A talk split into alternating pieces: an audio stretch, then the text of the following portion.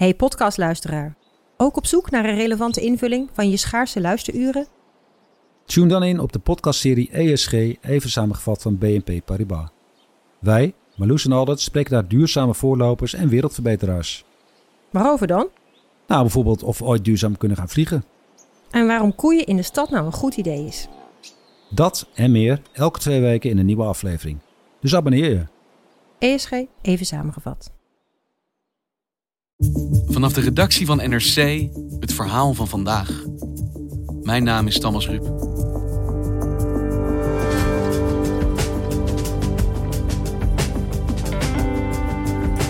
Deze maand is het 75 jaar geleden dat concentratiekamp Auschwitz werd bevrijd. In een gestolen schrift van de SS schreef de Nederlandse Eddy de Wind vanuit het kamp over zijn ervaringen. Een uniek document, maar eenmaal bevrijd wilde niemand het lezen. Tot vandaag. Eindstation Auschwitz verschijnt, eindelijk, in tientallen landen. Hoe heeft dit verhaal zo lang kunnen verstoffen?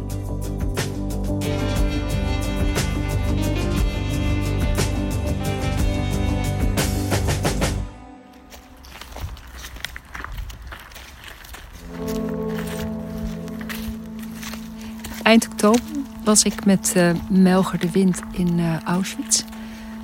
Op een uh, zondag, schitterend weer. Jannetje Koelewijn is verslaggever op de binnenlandredactie van NRC. Hij wilde me daarmee naartoe nemen omdat zijn vader Auschwitz-overlevende was. Hij heeft daar gezeten in 1943 tot aan de bevrijding van Auschwitz.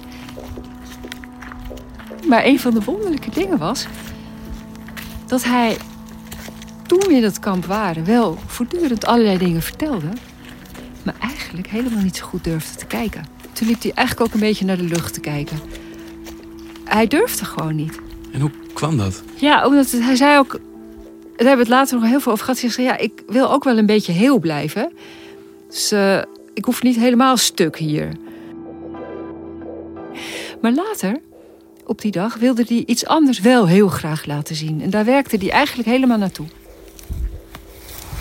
dit is een plek die voor mij wel redelijk waardevol is. En dat was de plek waar zijn vader ooit in 1943 was aangekomen met, met de trein. Dus we gaan daar naartoe. Um, door het struikgewas. Uh, overal muggen. liggen overal stenen. En dan loopt hij daar doorheen, net zo lang, want hij kijkt ook heel goed naar beneden, net zo lang tot hij daar de eerste verrotte stukken hout ziet. Dat zijn de stukken hout van wat ooit het perron was waar zijn vader op terecht kwam toen hij uit de trein stapte. En hier kwamen de mensen aan. Hier begon de depersonalisatie. En wat deed dat met hem om daar met jou te staan op die plek? Ja, dat hij eigenlijk voor het eerst die dag het zelf ook aan het beleven was. Die identiteit werd je hier afgenomen en je werd uiteindelijk een nummer. Een kaal nummer letterlijk kaal. En hij kijkt dan ook rond.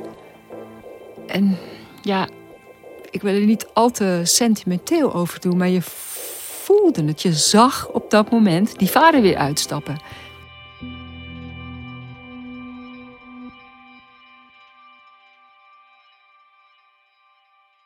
En vandaag verschijnt eindstation Auschwitz. En dat is dus het boek dat zijn vader, Eddie de Wind, schreef in Auschwitz destijds. Maar er moeten de afgelopen jaren honderden, zo niet duizenden boeken zijn geschreven over de Holocaust, over Auschwitz. Wat maakt dit verhaal dan zo bijzonder volgens jou?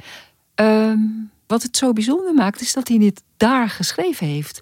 En je ziet ook wel dat hij er later nog aan gewerkt heeft. Maar hij begint dat te doen uh, vanaf het moment dat die Duitsers daar wegtrekken. Um, dus op een nacht worden ze allemaal gewekt. Het hele kamp moet aantreden om drie uur s'nachts. De Russen staan eigenlijk al hier vlak om de hoek. Ze hoorden de kanonnen. En de Duitsers die wilden weg. En uh, er waren ook een paar mensen onder wie dus Eddie de Wind... die daar dus onderdoken en achterbleven. Om, ja, om eten te zoeken. Want het zijn enorme voorraden van de SS'ers. Uh, zuurkool in blik, vlees in blik en zo. En er wordt enorm geplunderd. Heel veel gegeten ook. S'avonds zijn de eerste dooien gewoon omdat ze te veel gegeten hebben. Mensen die doodgaan? Ja, dat stuk. Want je was, mensen waren totaal uitgehongerd. En uh, als je dan opeens verschrikkelijk veel eet, ja, dat kan je spijsvertering helemaal niet aan. Dus die overleven de oorlog, zo'n kamp, en dan kom je ja, aan je einde omdat je dan. Ja, omdat je te veel eet. Ja, ja. ja. En hij, uh, hij steelt dan een schrift. Een schrift? Ja. En uh, waar normaal de SS'ers hun administratie in bijhielden. Met name ook de administratie van uh, welke mensen vandaag naar de gaskamer gingen. En dan begint hij eigenlijk een beetje poëtisch. Dat is echt heel. Uh, je ziet hem bij wijze van spreken zitten op de rand van zijn bed. Gekke gevoelens natuurlijk. Opgelucht. Want overlevende? Want overlevend. Totaal in de war. En in die opperste verwarring gaat hij zitten schrijven. Hij, hij zit dan in die dagen dat de Russen er nog niet zijn en de Duitsers al weg zijn, zit hij eigenlijk ondergedoken in een huis vlak buiten het kamp.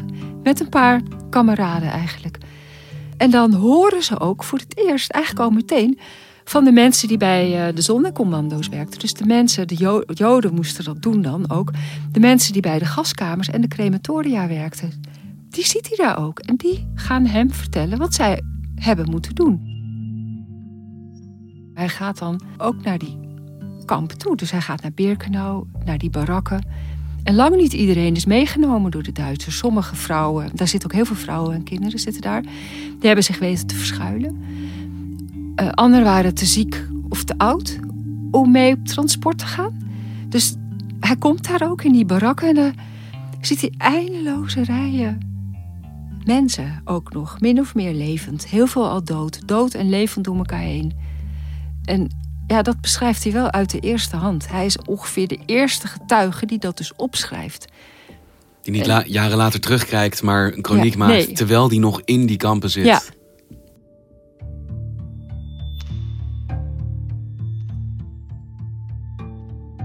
Wat gebeurt er met dat verhaal als hij dat opgeschreven heeft? hij neemt dat mee. Ergens in juli of zo, juli 1945, komt hij aan in Enschede. Ja, met die paar spullen die hij heeft. En, en dat verhaal op zak? En dat verhaal, ja. En wat doet hij daarmee? Daarmee gaat hij dan eigenlijk al vrij snel naar uh, Simon Vestdijk. De schrijver? Ja, de schrijver Simon Vestdijk, ja.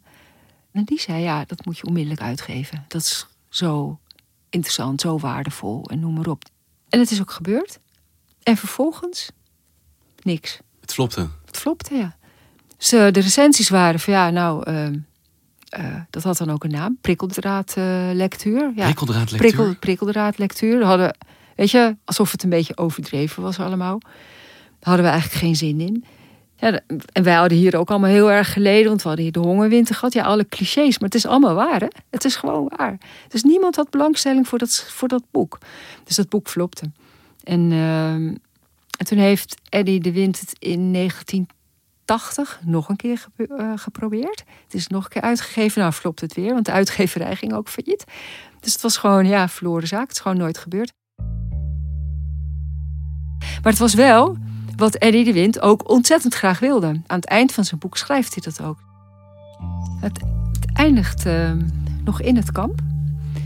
hij loopt daar uh, eigenlijk min of meer verdwaasd rond. Hij heeft de, de volle omvang inmiddels gezien van wat zich daar heeft afgespeeld. Hij denkt dan, eigenlijk wil hij wel dood. Uh, hij denkt ook, als ik ja ga liggen, dan is het gewoon voorbij. En uh, dan val ik en dan is het voorbij. En dan denkt hij toch op een zeker moment van nee, nee, nee, ik moet, ik moet blijven leven. Want dit moet verteld worden, dit verhaal. Dit, uh, ja, hier moet toch getuigenis van worden afgelegd. Dat is voor hem echt een motivatie om in leven te blijven. Dit naar buiten brengen, dit met de wereld delen. Zoals hij het opschrijft, ja. En ik denk ook dat dat echt heel erg waar is. Dat hij denkt van, ik ga, ik moet dit vertellen. Waarschijnlijk ook omdat hij het zelf gewoon bijna niet kan geloven. Het is ook zo ongelooflijk. Hij, hij wil blijven leven. Hij denkt, ik moet dat verhaal gaan vertellen. En dat is ook wat hij gaat doen. En dat schrift, wat, dat uiteindelijk dus niet tot een enorm publicitair succes leidt. Wat gebeurt daarmee? Ja, dat neemt, dat neemt hij gewoon steeds met zich mee. Um, en dat schrift is er gewoon altijd. Dus Melger vertelt mij ook dat hij dat schrift, ja, dat lag gewoon bij hen in de boekenkast. Dat stond daar gewoon? Ja, En het bekende verhaal is dat, dat mensen met zo'n trauma niks vertellen, dat ze zwijgen. Dat deed Eddie de Wind niet. Eddie de Wind vertelde met name aan Melger al die verhalen. Dus Melger heeft een jeugd gehad waarbij hij altijd die verhalen van zijn vader te horen kreeg. S'nachts kon hij niet slapen of s'avonds en dan kwam hij bij Melger op zijn bed zitten. En nou, dan vertelt zijn vader hem eh, ja, over het kamp. Dus hij deelde wel over zijn ervaringen, maar dat Ja. schrift waarin in detail staat opgeschreven wat hij heeft meegemaakt, Ja, nee, dat, dat wordt niet gelezen. Nee, niet dan. Nee. Gebeurt er dan helemaal niks mee? Staat het daar gewoon in de kast Ja. te verstoffen? Ja, eigenlijk wel. Ja, zijn zusje neemt het een keer mee naar school. Want dan, eh, dan behandelen ze in de, in de klas eh, de Tweede Wereldoorlog en de kampen. En dan zegt dat zusje, oh ja, mijn vader heeft daar ook gezeten. En heeft daar dingen over opgeschreven. En eh, nou, kan je dat schrift een keer meenemen? En dan neemt ze dat schrift mee. In een tasje, op de fiets, naar school. Nou, dan kan iedereen het bekijken. En dan wordt het weer mee naar huis genomen. dit ongelooflijke eh, tijdsdocument gaat gewoon in Ja. de schooltasje eventjes heen en weer. Ja. En in 1987 overlijdt Eddie de Wind.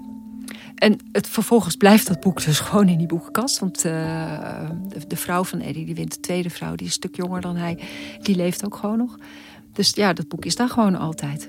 Dus behalve, behalve die paar mensen die dat misschien door de jaren hebben gelezen, Ja, is dit eigenlijk een verhaal het. wat van de familie is. Ja. Alleen van hen. Ja, het is van hen.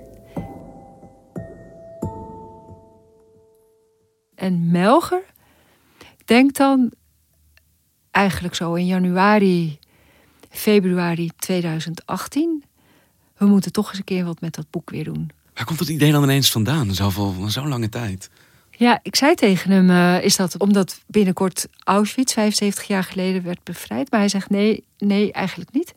Hij zegt ja, het, het, het, eh, het, bleef daar liggen. En ehm, ik vond toch dat ik de wens van mijn vader toch een keer moest vervullen. En daar heb heeft hij dan ook over gepraat met zijn moeder en met zijn broer en zijn zus. We moeten dat toch een keer doen. En dan komen ze eh, bij een literair agent. Ja, en die zegt ja, dat is gewoon hartstikke goed en mooi, eh, interessant document. Die ziet eigenlijk meteen de waarde. En die gaat ermee de boer op. Maar het is dus al twee keer eerder geprobeerd. Er waren al eerder twee uitgevers die zeiden...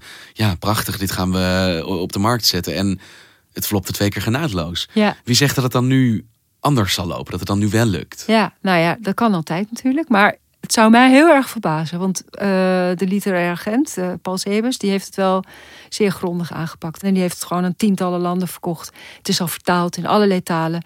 De presentatie is in Londen, hè, bij de ambassadeur. Dus ja, het zou mij heel erg verbazen als dit niet nu toch gewoon echt de weg naar het grote publiek gaat vinden.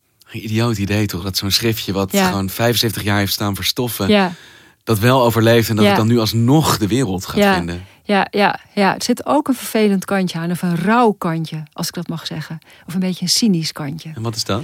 Ja, dat het, ehm, weet je, je het is, ehm,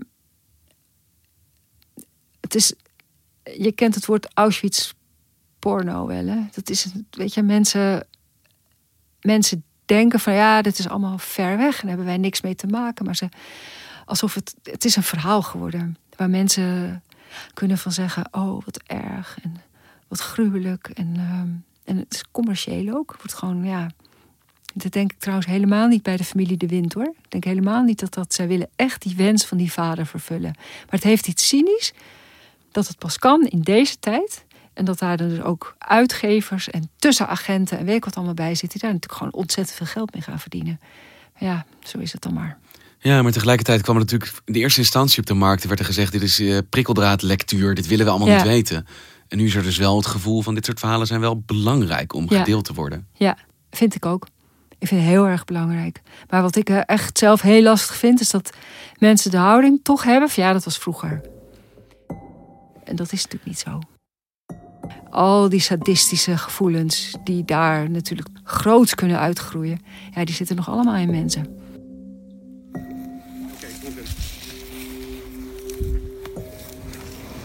Ehm, ik, wat ik goed vind is, en dat zit in de directheid van het boek, het is niet een theore- theoretische overweging achteraf. Het zijn gewoon gesprekken die Ja. mensen hier hebben in de strijd die je met elkaar hebt. Jezus, heb je dat gehoord van die? Daar is dat gebeurd en dan heb je het met elkaar over. En dat heeft een soort, een soort echtheid die het ook geloofwaardig maakt. Begrijp je wat ik bedoel? Heel goed. En, ja? en op die manier is voor mij het boek echt een heel persoonlijk moreel kompas. Van een verstandige iemand die hier zat, die toevallig mijn vader was. Want het is een beetje raar je vader verstandig en intelligent te noemen, maar dat was hij wel.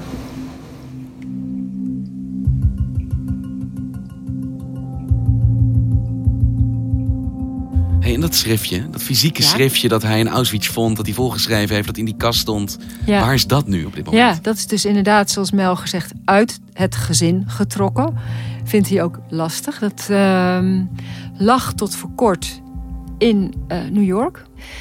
En dat komt nu deze maand, januari, komt het wel weer terug eh, naar Nederland. Want het wordt natuurlijk overal getoond. Ja, het is toch ook een klein beetje een Leonardo da Vinci... die opeens achter de muurschildering tevoorschijn komt. Hè? Dus het is, het is heel lang gewoon een oud schrift. En nu is het een kostbaar, ja, een kostbaar ding. En dat is het natuurlijk ook. En dan is dat vandaag dat moment eigenlijk Ja. dat het eindelijk naar een groot publiek gaat. Hij is Ja. alleen dus niet zelf meer om dit mee te maken. Nee. Ik hoop maar dat hij gehoopt heeft, of gedacht heeft, dat het ooit er wel een keer van zou komen. Dat hoop ik maar. Dankjewel, Jannetje. graag gedaan.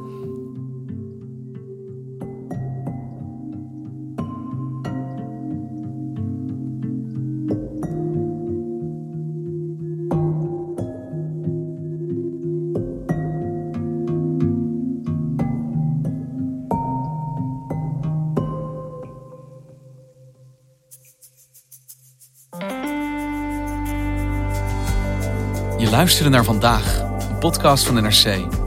Eén verhaal, elke dag. Dit was vandaag, morgen weer.